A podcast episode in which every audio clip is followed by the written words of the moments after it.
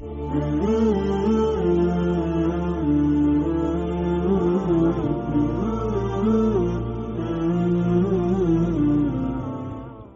الحمد لله نحمده ونستعين به ونستغفره. ونعوذ بالله تعالى من شرور أنفسنا ومن سيئات أعمالنا. من يهده الله فلا مضل له ومن يضلل فلا هادي له. وأشهد أن لا إله إلا الله وحده لا شريك له وأشهد أن محمدا عبده ورسوله. أما بعد فإن أصدق الحديث كتاب الله وخير الهدي هدي محمد صلى الله عليه وسلم وشر الأمور محدثاتها وكل محدثة بدعة وكل بدعة ضلالة. ثم أما بعد samolio bi omladinu tamo da, pošto sam i poželio, nisam. Ovo je slobodno. Znači, ova građevina, alhamdulillah, napravljena čvrstim temeljima, tako da zidovi ne bi rekao da će pasti na nas. Kogod više priđe, imat će šala veću nagradu. Tako da postoji velika mogućnost da Ja sam govorio za tri skupine, tako? Hadis. To su tri delegacije Allahom poslaniku. Znate za te hadise. Tri delegacije došle da slušaju Allahom poslanika, ali salatu wasalam, njegovo predavanje. Jedna skupina je bez imalo stida ili neko prezanja ušla u sredinu halke i kako su ashabi sjedili, oni pravo s, vrata i u sredinu halke sjeli pred Allaho poslanika i slušaju. Druga skupina se postidila, nije htjela se plahu bliži, nego našla prvo mjesto na obronku halke, na kraju halke sjela tu stidnu. Treća skupina, kada je vidjela gužbu oko Allahov poslanika, ali salatu selam, ako uđe, valja preko ljudskih ramena, valja se probijat kroz redove. A sahabi, tijesno uz poslanika se sakupili. Ako sjede na kraj, ha čuo, ha ne čuo. Pa im nekako bilo u našem žargonu rečeno ofirno da tu budu, okrenu se, naljute se, okrenu i odu. Možda su očekivali da će neko im ustupiti mjesto, da će se raširiti halka zbog njih, pa će oni prići tu. Glavnom otišli su. Kad je Allah, poslanik Ali Salatu Selam, završio vaz i razišli se obični ljudi, onim svojim bliskim ashabima kaže jeste vidjeli ove tri delegacije? Kaže, jesmo. Znate šta je sa njima? Kaže, ne znam. Allah i njegov poslanik najbolje znaju. Kaže, ova prva je prišla mene. Pa je Allah prišao njima. Ova prva je prišla, pa je Allah prišla, prišao njima. A ova druga se postidila, pa se Allah od njih postidio. A ova treća se okrenula, pa se Allah od njih okrenuo. Tako da, to su mali momenti, tako? Na oči gled nisu veliki. Zato vam kažem da velika je razlika, velika razlika za budućnost vašu, za vaš talep, traženje znanja. Koliko će kome Allah dati beričet s ovog skupa? Neko će otići s ovog skupa, bit ćemo vi 30-40 minuta razlogom da mu se promijeni cijeli život. A neko nijednu riječ neće zapamtiti. Zašto razlika između ove dvojice? Obojica su slušali jednog čovjeka, sjedili na jednom međlisu. To su te nijanse, zbog čega sam došao, gdje sjedim, kako uvažavam, šta želim od toga što čujem, tako dalje. Stanje srca, moment, da li je srce to zatvoreno, da li su ga opasali grijesi, bolesti, ili to srce čisto, predano Allahu, pokajničko srce i tako dalje. Tako da je vama lijepo. Međutim, to nije večerašnja naša tema. Ono što sam htio s vama da podijelim jesu načini večeras, načini na koji ćemo za lavu pomoć, a ja ću večeras govoriti uopćeno, jer teško je govoriti o izazovima i problemima, iskušenjima svakog od nas pojedinačno. Kada bi krenuli, trebalo bi nam na svakog od nas po jedno ili dva ili tri predavanja, kada bi svako od nas iznio svoje probleme, svoje iskušenja, svoje izazove u životu, onda bi trebali da se pojedinačno pozavimo svakim. Međutim, postoje određene smjernice, osnovne smjernice. Način na koji, inša Allah, ta'ala, svako od nas može da se odupre i da zaštiti svoju vjeru, svoj din, svoju ličnost. Danas, u ovom vremenu u kojem mi živimo. Znajući, braćo moja, da nijedno vrijeme nije isto. I juče nije kao danas. Niti je prije deset godina kao što će biti naredni deset godina. O tome Allah govori. Jer Allah kaže o tilke ajamu nudaviluha bejne nas. Kaže, to su dani koje ćemo mi prepričavati drugima jednoga dana dani Bedra, dani Uhuda, dani Hudejbije, Huneyna. To su dani koji, ču, koji se desili u jednom vremenu, u jednom momentu, na jednom mjestu. Određenoj skupi ljudi, ashabima, Allahom, poslaniku, ali i salatu wasalam. Za njih su oni tada bili ključni u njihovim životima. Nakon njih ljudi to prepričavaju drugim ljudima. Uzimaju iz toga pouke ali se Bedr nikada neće vratiti. Ni Hunein, ni Hudejbija. Onako, sa istim ličnostima, na isti način, što znači da mi trebamo da se borimo u ovom vremenu našem. Da pogledamo koja, koji su to izazovi oko nas, sa kojima treba da se uzmemo u koštac i da ih rešavamo. Jer najveći najveća kobnost koja može pogoditi jednog muslimana i najveća zamka u koju može upasti jeste da kaže što nam ovo treba, što nam se ovo događa. I onda sjede prekrštenih ruku i ništa ne radi. Ne gleda na uzročnike toga što mu se desilo. Da li pojedincu ili zajednice. To je pravo opasno. I još gori level od toga da kaže šta nam je ovo Allah dao. Zar smo ovo zaslužili?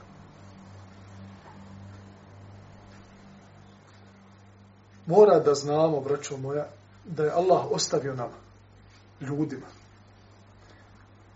da smo kadri i u mogućnosti da mijenjamo vrijeme. To jeste da mijenjamo stanje u vremenu u kojim se nalazimo. Također o tome Kur'an časni govori kada kaže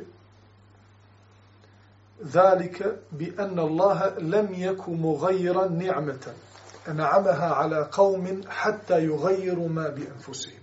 I normalno nije nam Allah to ostavio da mi baratamo s tim. Nego Allah subhanahu wa ta'ala je iznad svega, on je taj koji određuje, koja mi, koji mijenja stanja, međutim nama je ostavio uzročnike pomoću kojih možemo da promijenimo stanje u kojem se nalazi. Jer Allah kaže, zato jer Allah neće oduzeti blagodat od jednog naroda sve dok oni ne promijene sami sebi, nagore, u ovom kontekstu. Što znači da neće Allah dati jednoj blagodati da ode od čovjeka, od pojedinca ili od zajednice, od naroda, od džamata, neće dati da ode sve dok oni nešto ne zabrljaju. Sve dok oni nešto ne upropaste, unište, pogriješe i tako dalje. Dobro, ako smo svjesni toga i vidimo situaciju u kojoj se nalazimo, jer, vraćo moja, i ekonomska i politička i verska situacija je u rukama uzvišenog Allaha. Nikada niti jedna opcija, niti jedna kriza, niti jedna blagodat nije izašla iz kontrole gospodara svjetova. I on je taj koji mijenja stanje. Što znači kada nam se nešto desi, što nije dobro po nas, treba da se prispita. Ako kažemo da je sve u redu, onda imamo hadis Allahu poslanika alaihi salatu wasalam kod Ahmeda i Tirmidija, da je sallallahu alaihi wasallam rekao, Iza erada Allahu bi abdihi l'hajra, ađala lehu l'ukubeta fi dunja. Ako Allah želi vjernik u svome robu dobro na ovom svijetu, a zaslužio je u osnovi kaznu. Činio je neke grijehe za koje je zaslužio da na sudnjemu danu bude kažnjen. Ali Allah mu želi na ovom svijetu hajr, požuri sa njegovom kaznom na ovom svijetu. Kazni ga ovdje. Pa onda ponekada tvoja kazna ili iskušenje su pozitivni kod tebe. Jer Allah time želi da te očisti. Ti se pitaš odakle mi ovo. Što me ovo potrefilo. A možda je baš to iskušenje to koji će te sačuvati inša Allah ta'ala kazni na sudnjemu danu. Nastavak hadisa. Wa idha arada Allahu bi abdihi šarra amsaka anhu bi dhanbihi. Ako Allah želi svome robu nevolju, nedaču na sudnjemu danu, želi da ga kazni, sačeka sudnji dan, pa ga kazni na sudnjemu danu. Na ovome svijetu on osjeti. Osjeli se, griješi. Veli, ne stiže me kazna Boga. Viš kako je fino. Allah subhanahu wa ta'ala bileži njegove prijestupe i ostavlja sve to za sudnji dan. Međutim, na vjernicima je kada osjete ili kada vide loše stanje oko sebe, vide da, je, da, mi, da im se umanjio imetak, rizik, vide da nemaju više beričata kao što su imali u svom imetku, u radu, u ranom ustajanju, u svojoj porodici i tako dalje, treba da preispitaju svoje stanje. Zašto? Jer je Allah kako je ostavio da kad ljudi pogriješe i kada se okrenu od Allaha, Allah promijeni njihovo na nagore, ostavio je istim tim ljudima da kada se poprave i pokaju, da mogu također da poprave stanje na bolje. I ovo nas puno interesuje. Jer Allah subhanahu wa ta'ala kaže Inna Allahe la yugayru ma bi qavmin hatta yugayru ma bi anfusim. Allah neće popraviti stanje jednog naroda sve dok oni ne poprave sami sebe.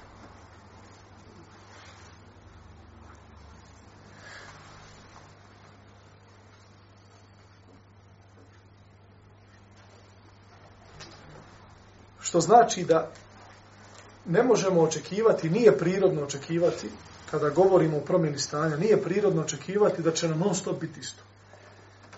Niti da će nam iman biti uvijek iste dređe, uvijek istog stupnja. Ni naše stanje, ni stanje našeg naroda. Nekad je bolje, nekad gore. Sve su to marahili, sve su to stanja u kojima se nalaze narodi od pamti vijeka. Tako da ne treba to da nas zabrinjava, kao to. Da mi to možemo ili trebamo da zaustavimo. Da se mi borimo protiv toga, da se, sta, da se stanje ne, ljudi ne mijenjaju nikada. Uvijek da budu sve pune džamije, da uvijek... To nećeš nikad moći. To nisu mogli velikani islama da postaju. Čim se mi govorima dičimo, uzimamo ih kao dokaz, čitamo njihove knjige, napajamo se. Kada su živjeli u svojim vremena, nisu mogli to da promijenu. Ali je ono što je na nama jeste da uradimo sljedeće stvari.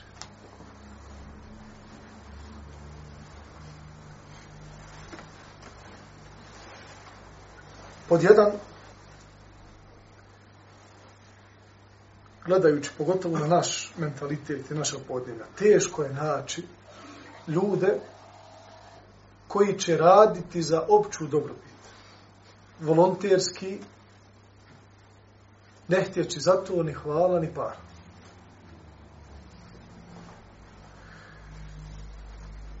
Pored toga što je teško takve ljude naći, znajući da nas sistem naš uči da samo budemo dobri, onda kada nas gleda kamera, ili kada policajac stoji na semaforu, pa onda se pridržavamo ograničenja i tako dalje. Čim nema nikoga, opustimo se. Kada nas ufati kamera, dođe nam kazna. Uplati toliko. Stalno nam sistem govori, ako pogriješiš, ima kazna. Dobro ako ne pogriješiš, ako radiš neko dobro. Sistem te ne uči da ima nagradu.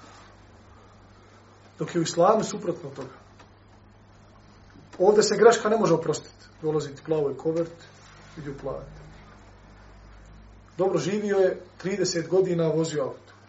Nijedne, nijednog saobraćajnog prekršaja. Je li kad mu došla koverta, da mu je napisalo, došlo je supa i kaže, zahvaljujemo ti se što se pridržava naš saobraćajnih znakova i vožnje po propisi. Nikad. Može 100 godina živiti u auto. Nikad ti neće doći. Što znači da mi u osnovi u našem sistemu, kako živimo, nemamo nikakvog postrijeka. Da nam neko kaže, uradi dobro, bit ćeš za to nagrađen. Nemamo toga.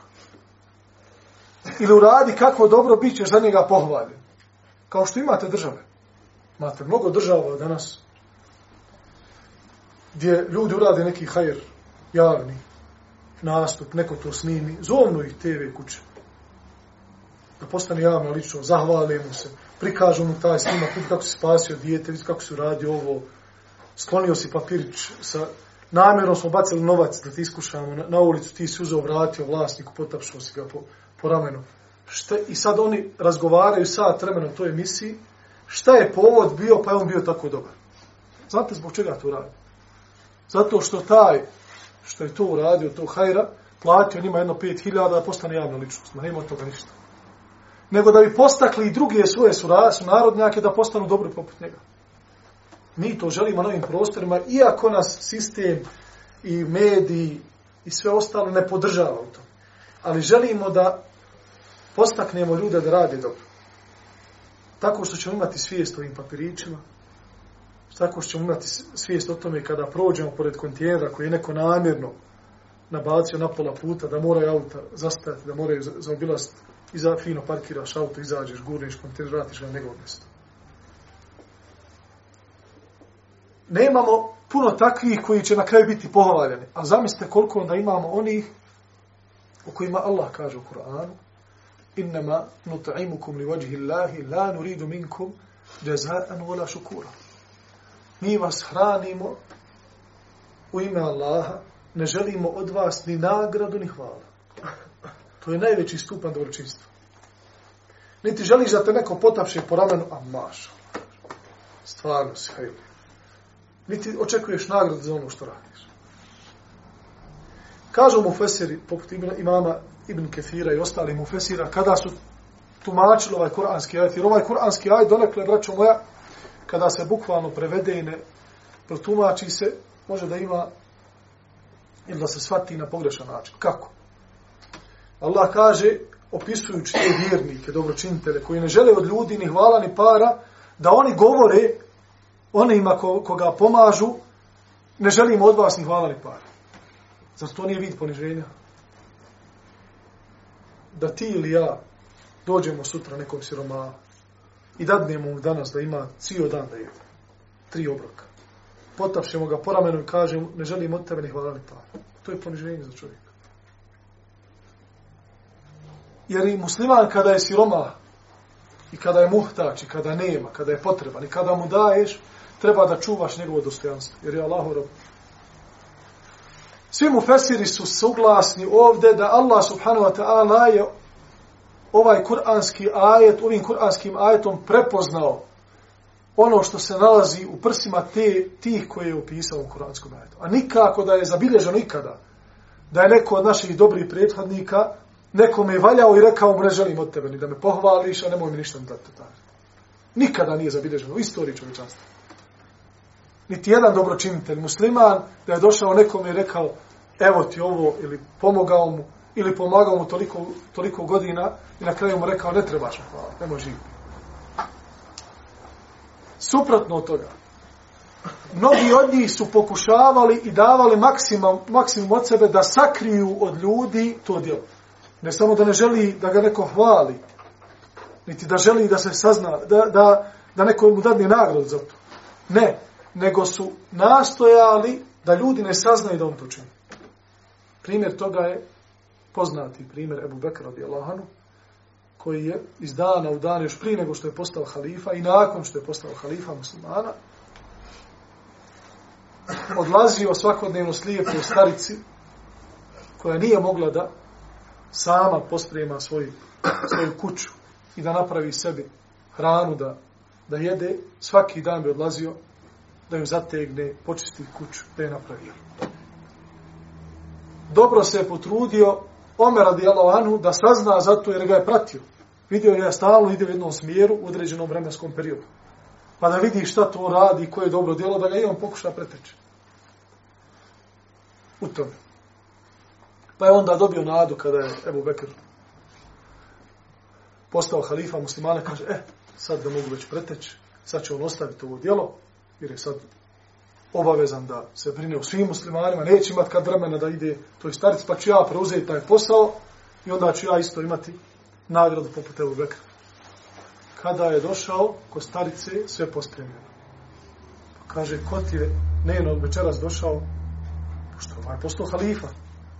Pa kaže, ona isti čovjek, poznala ga po glasu, samo nije došao ko svako jutro prije, nego sad, kaže, malo je okasnio, malo je okasnio, postao predsjednik tadašnje države posle Allahov poslanika. Malo je okasnio.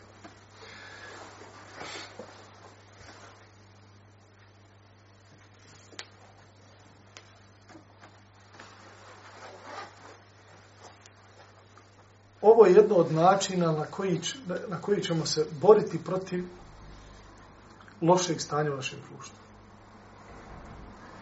Jer neko ćete vidjeti na ulici. Jedan čovjek. Zbog tvog jednog postupka, jednog gesta volonterskog, počet će i on da radi tako dobro. Pa će to lančano prelaziti s čovjeka na čovjeka, jer vraću moja sve velike ideje danas čovečanstvo koje živi. Jednoga dana su bile misao u mislima jednog čovjeka. Svi ogromni gigantski projekti, ekonomskog i drugog karaktera, jednoga dana, jednoga dana, bili su u glavi jednoga čovjeka.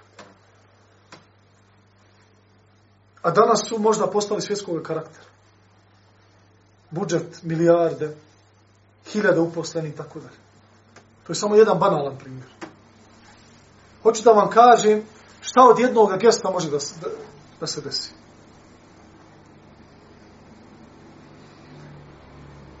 Ponekad jedna rečenica, braćo moja, promijeni kolosijek života pojedinca ili cijele zajednice.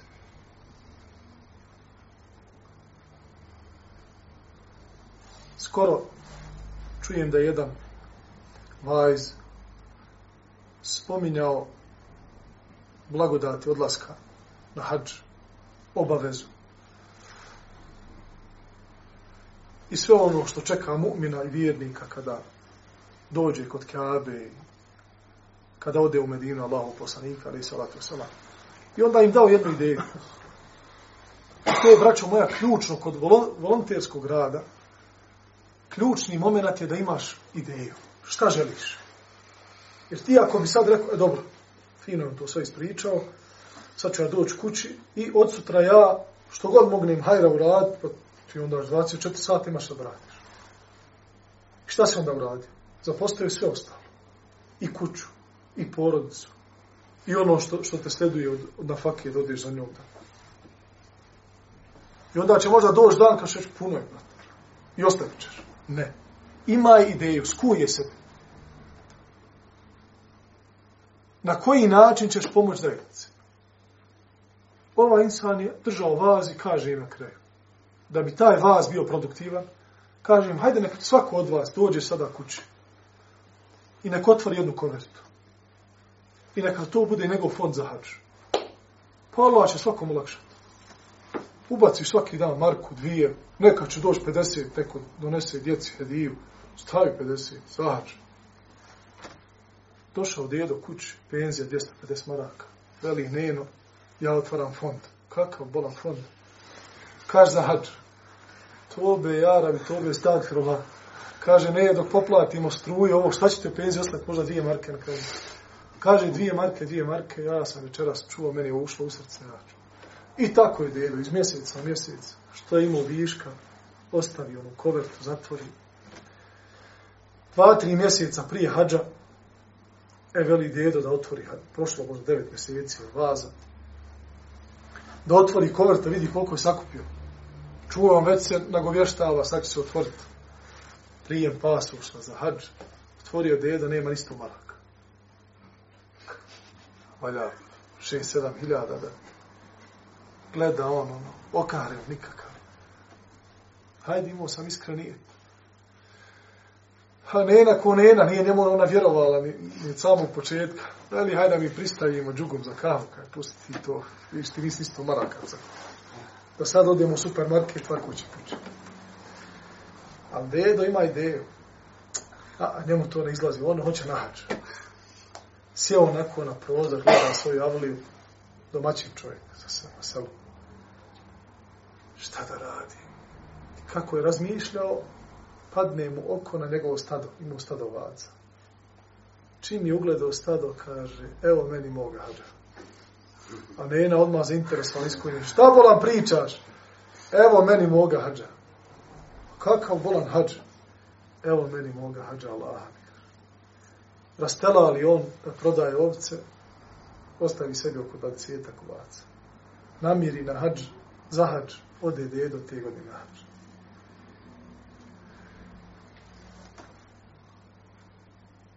ne se, nakon što se vratio s hađa, ojanji svaka ovca dvoje. Sve jedna. Pa Allah dadne od onih 20, 60. Vrati se njemu njegovo stado, a da jedo na hađu. Koliko ima u koverti, nije ni stotinu maraka. Ali kad imaš ideju u životu,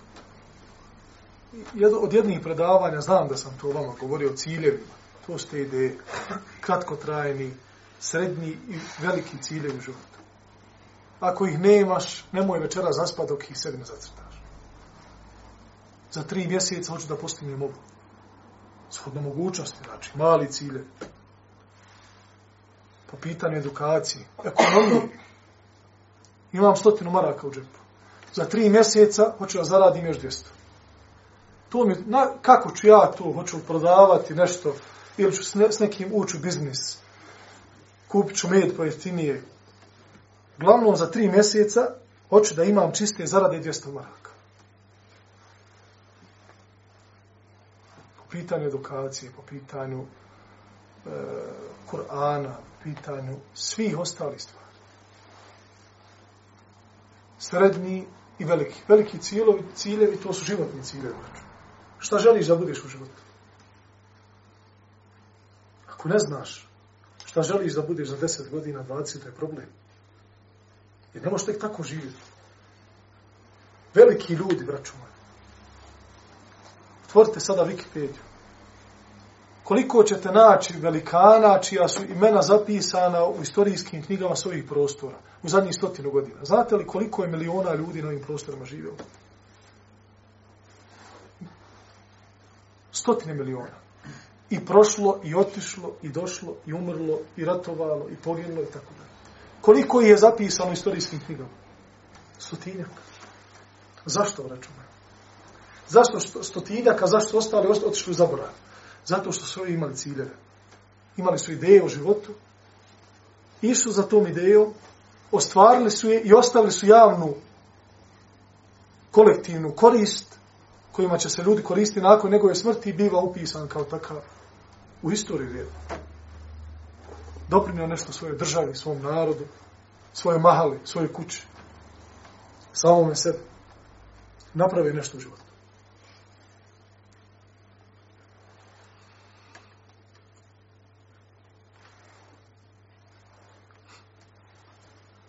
Druga stvar, i sa njom ću šala ta'ala završiti i bit će nastavak ovog predavanja, najvjerojatnije u, u, u tri, tri predavanja će biti na ovu temu najmanje. A to je na koji način boriti se protiv devijacija u samoj vjeri. Da li to bila devijacija u samom, samom, samim osnovama vjere, akajdu? Ili to bila devijacija u ibadetu ili u samom moralu i etici i ponašanju pojedinca, džamata i zajednice. Zbog čega je ovo bitno? Zašto? Jer kada imamo sjajno stanje u jednom, jednom kolektivu, jednoj zajednici, sve je perfektno, Tada teško dolazi do vjerskih devijacija. Da li one bile po pitanju pretjerivanja u vjeri ili odstupanja od vjerskih principa. U doba Allahov poslanika, ali i salatu wasalam, nije se dešavalo da je kolektiv ili veće grupine, skupine ljudi da su bili opisani kao oni koji pretjeruju u vjeri i oni koji odstupaju vjerskih principa. Kada se to po prvi puta desilo kolektivno, onda kada se desio sukob između Muavi radijallahu anhu i Ali radijallahu anhu. Znači, došlo je do problema među muslimanima, došlo je do sukoba, nesuglasica i javlja se odmah šta pretjerivanje u vjeri. Ovo naše vrijeme je podložno tome. Zašto? Zato što nam stanje nije onako kako treba očekivati. I onda jedan mladić šta uradi? Razmišlja o stanju u kojem se nalazi. Nije zadovoljan sa sobom, ni sa zajednicom u kojoj živi. A nema dovoljno znanja i nije dovoljno potkovan islamskim odgojem, o čemu ćemo sada malo podrobnije govoriti, zato ću završiti predavanje s ovim. I šta onda uradi? Hoću nešto da uradim za vjeru i onda ispadne problem, pa se desi nešto na zapadu, a mi na istočnoj Evropi osjetimo, osjetimo grešku koju on napravio. I onda ispaštaju svi muslimani zapadne i istočne Evrope zbog jednog pojedinca koji je razmišljao, nije bio zadovoljan sa stanjem, kaže, odba nešto rad za islam i uradi totalno grešku, ono što je za osudu i ono što treba da osudi svaki pametan čovjek.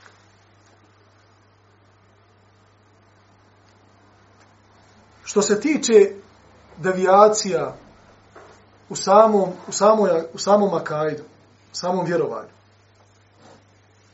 on je jedan od najopasnijih. Jer kada se pojavio dob Ali radijallahu anhu, nije ostavio ni ono što je suho, ni ono što je zeleno. Proglasio je obje skupine muslimana nevjernicima i borio se protiv njih. Ideja haridžizma sjeće sve pred sobom. Oni se ne javljaju uvijek. Javljaju se u vremenima kada nastaju problemi. I to je kao nekakav rezultat toga. I pored toga što imaju problemi, vidjet ćete da, kada čitate o njima, vidjet ćete da su to većinom ljudi koji nisu sjedili, to je njihov ključ, ključna njihova osobina, po kojima su prepoznati. Nisu sjedili pred učenim ljudima, savijajući, savijajući koljena, kako bi se odgojili. Jer, braćo moja, vjerujte, da puno znači kada ti sjediš sahat vremena sa svojim šehom, sa svojim alimom, slušaš njegov govor, saburaš na tome, ponekad te noge bole, strpiš se, pitaš nešto, nekad te stida upitaš, to sve metode odgoja. I nije isti onaj koji sjedi ovde uživo i onaj koji će isto ovo predavanje slušati na internetu. Ne može nikako biti isto. I vidjet ćete veliku razliku između ljudi koji se odgajali pred kompjuterom i onih koji su sjedili uživo pred, pred svojim šehojima. Velika razlika u čehri, a kamo li u njihovom ponašanju. Samo jedan primjer.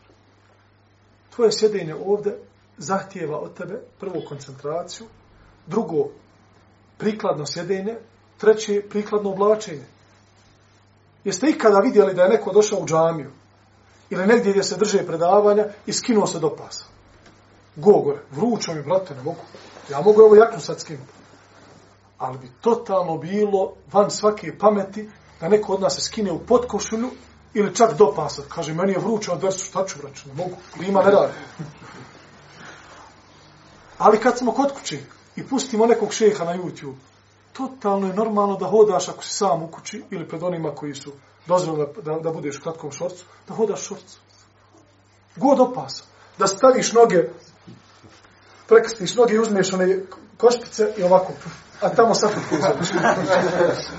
On tamo priča o bogobojaznosti, o ahlaku, a ti to gađaš kantu. U svojoj si kući, brate.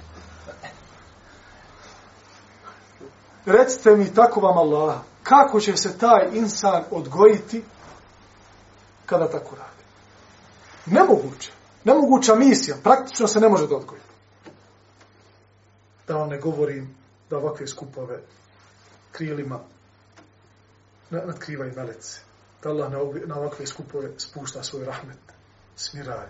Da ne izađu robovi sa jednog ovakvog skupa gdje se Allah spominja da im ne oprosti grije. To sve etape, tape, braću.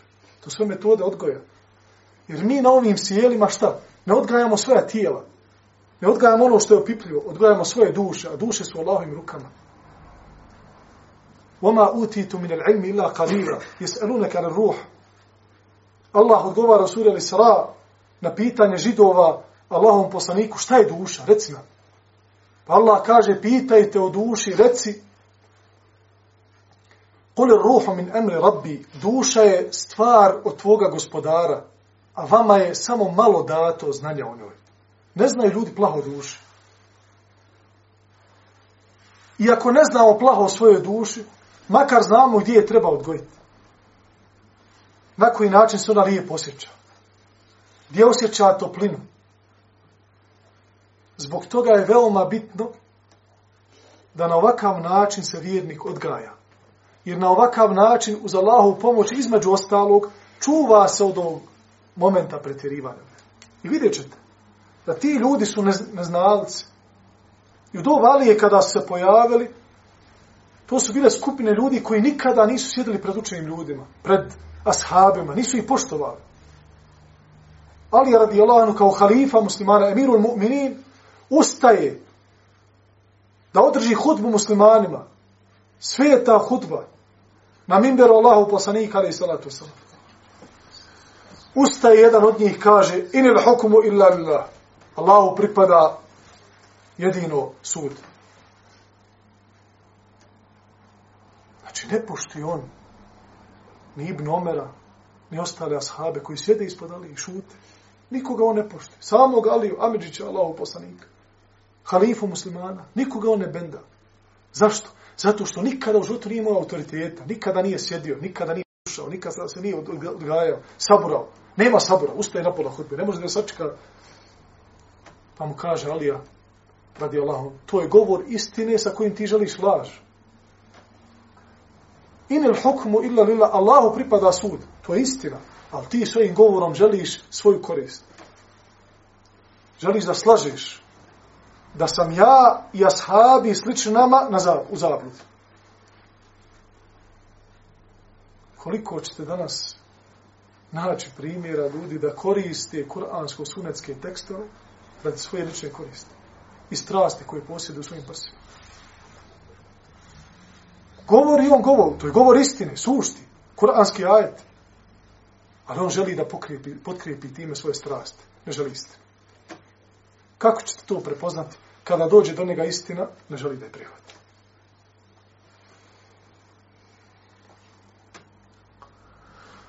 Rekli smo, braćo moja, imaju tri osnovna vrsta pretjerivanja u vjeri. Prvi je akaidski, to je haridžizam, koji je veoma poznat. Često dovodi do stanja ljudi da smatraju da ostali ljudi koji nisu na onome na čemu su oni, da su nevjernici. Zbog čega to dolazi? Rekli smo, zbog lošeg stanja koji oni vide svojim očima. Mi znamo da je loše stanje.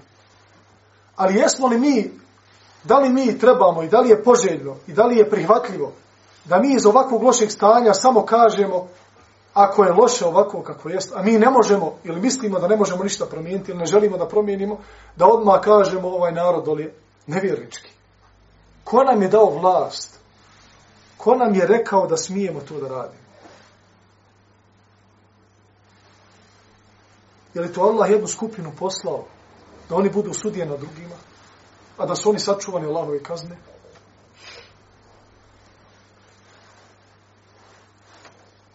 Druga vrsta pretjerivanja je pretjerivanje u ibadetu. I to se je desilo za života Allahog poslanika, ali se U hadisu koji bileži imao muslim, kada su trojica mladića, sjedeći ovako na sjelu, pričaju i kažu, pa dobro, pričaju i badetu. Kaže, kako ćemo mi da ibadetimo poput Allahov poslanika, a njemu svi grisi oprošteni. Da samo ustajemo u zadnjoj trećini noći ili dvije noći, da klanimo noći namaz. Da samo postimo ponedjeljkom i četvrtkom i bijelim danima. Da se ženimo, Allahov poslanik ima vremena i za supruge. Kaže, njemu su oprošteni grijesi. A pogledaj nas, slabići, griješnici, valja doći pred Allaha čista srca. Kaže ovo jedan, dobro, ako je tako, kaže ovo jedan, ja ću cijelu noć klanjati. Nikada neću spavati na večer. Drugi kaže, ja ću svaki dan postiti. Treći veli, ja se nikada žent neću. Čuvši to Allahu poslanik, ali salatu salam, zovni. Šta su ta tri mladića osjetila? Nezadovoljstvo sa svojim stanjem. Često, braćo moja, nezadovoljstvo sa svojim stanjem odvodi čovjeka jedno dvije krajnosti. Ili odstupanje od vjetskih principa da kaže ne treba mi ovo. Ako sam nezadovoljan, ako sam ovakav kakav jesam, ništa mi ovo ne treba. Estakfirullah sve Kaže, ja niti, nit više hoću u džamiju, niti me više na drsove zovite. Nema od mene, kaže, ništa. Koliko puta sam tu rečenicu čuo? Da čovjek prizna da je slab i da je griješan i da nema od njega ništa i da je sve granice prešao i kaže, ako sam takav, odustaje. Ili drugo stanje, gnjevan, i srdit na svoje stanje u kojem se nalazi i zbog toga počne da pretjeruje. Pa onda miskin upadne u drugu šeitansku zamku. Umjesto da ponovo, da, kad je već svjestan bio svog lošeg stanja, da kaže se, pa hajmo da ga popravimo. Pa daj da traži metode. Pa dobro, ne znam. Pa fes, alu ahle, in kuntum la ta'lamu. Allah kaže, pitajte učeni, ako ne znam. Vrate moj, ne znam, evo, loš sam. 1, 2, 3, 4, 5. Koje su metode da se popravim? Pitaj, brate. Ne. On je gnjeva na sebe i onda počinje da upire prste. Evo, vidi kakav je ovaj. E, pogleda onoga čafira, Allah ga ubio. Stani, Bože, i robe, stani. Kud si krenuo? I šta ćeš time? Po... Dobro, Allah ga ubio čafir. I šta ćemo sad? Pa kaže u džahennem. Ma bi se masir, Bog da u džahennem otišao. Šta ćeš onda? Dobro, ako ti želiš polu nasmijanog lica, da taj čovjek uđe u džahennem. Na čije ti strane? Ko želi da svi sinovi Ademovi završe u vatri? Ko je ta osoba? Iblis. Dobro, ako i ti želiš, onda sa njim je rad. Allah kaže za poslanika da ga je poslao da izvodi ljude iz tmina na svjetlo. Šta je bio postao svih Božih poslanika? Da ljude upućuju ka džennetu, je tako? A dobro, ako ti hoćeš da budeš sa Allahovim poslanicima u njihovom safu, upućuju ljude ka pravom putu, pokazuju im staze koje vode ka džennetu. Nemoj im olakšava staze ka džehennemu, tako što ćeš ga proklijeti, tako što ćeš mu reći da je čafir, Allah ga ubio i tako.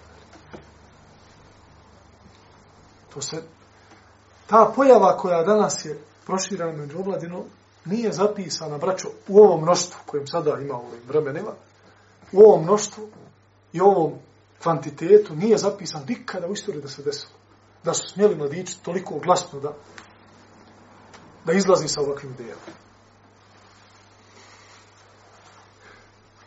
I šta su oni uradili? Do, dolazi Allah poslanik iz ove sebe. I to su metode odgoja omladine. Kada vidiš da je mladinac jedan počeo da nešto, da ga zoveš, dođu. Kažem Allah poslanik, ja se najviše Allaha bojim od vas hoće da im kaže, nemojte misliti da će doći dan kada ćete me preteći u bogobojaznost.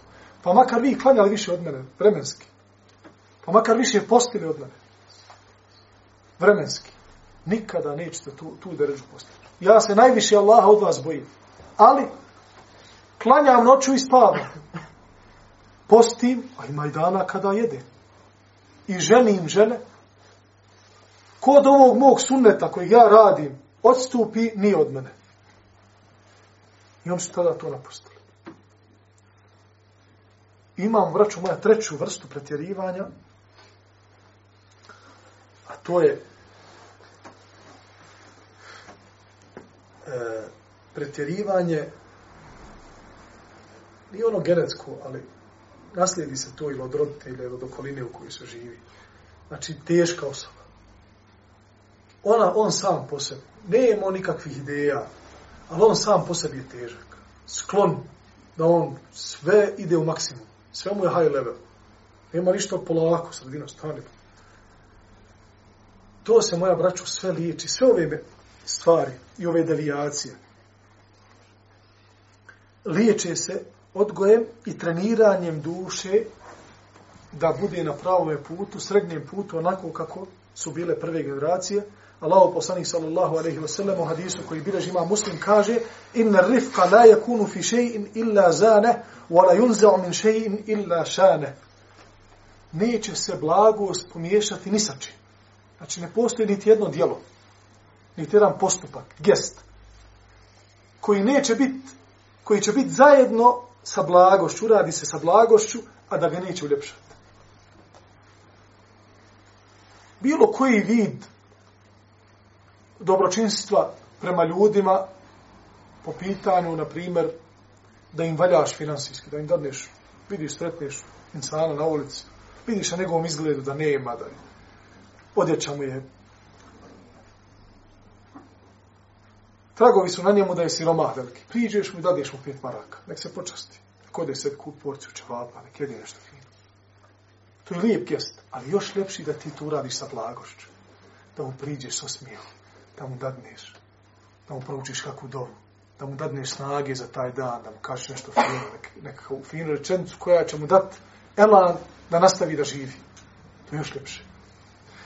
Kaže Allah poslanik, ali salatu selam dalje, a neće se otrgnuti blagost niti iz jednoga dijela, a da ga neće upropastiti. Isto to dijelo. Odneš čovjeku pet maraka, priđeš mu kaže, slušaj ti, vam, šta ti, evo ti pet maraka. Pa da si mu dao pet stotina maraka, džabate. Prvo si čovjeka prepao, drugo dao si mu to kabadahijski, da može gore vidjeti. Isto djelo, dobročinstvo. Molit Allah subhanahu wa ta'ala da nam se smiluje, da nas uputi ka dijelima koje će nas odvesti ka njegovom zadovoljstvu i da nam oprosti grijehe i da nas uvede u dženecke bašte sa poslanicima, šehidima i dobrim ljudima. Kolu kao li hada, wa stagfirullahi li wa lakum. Thank you.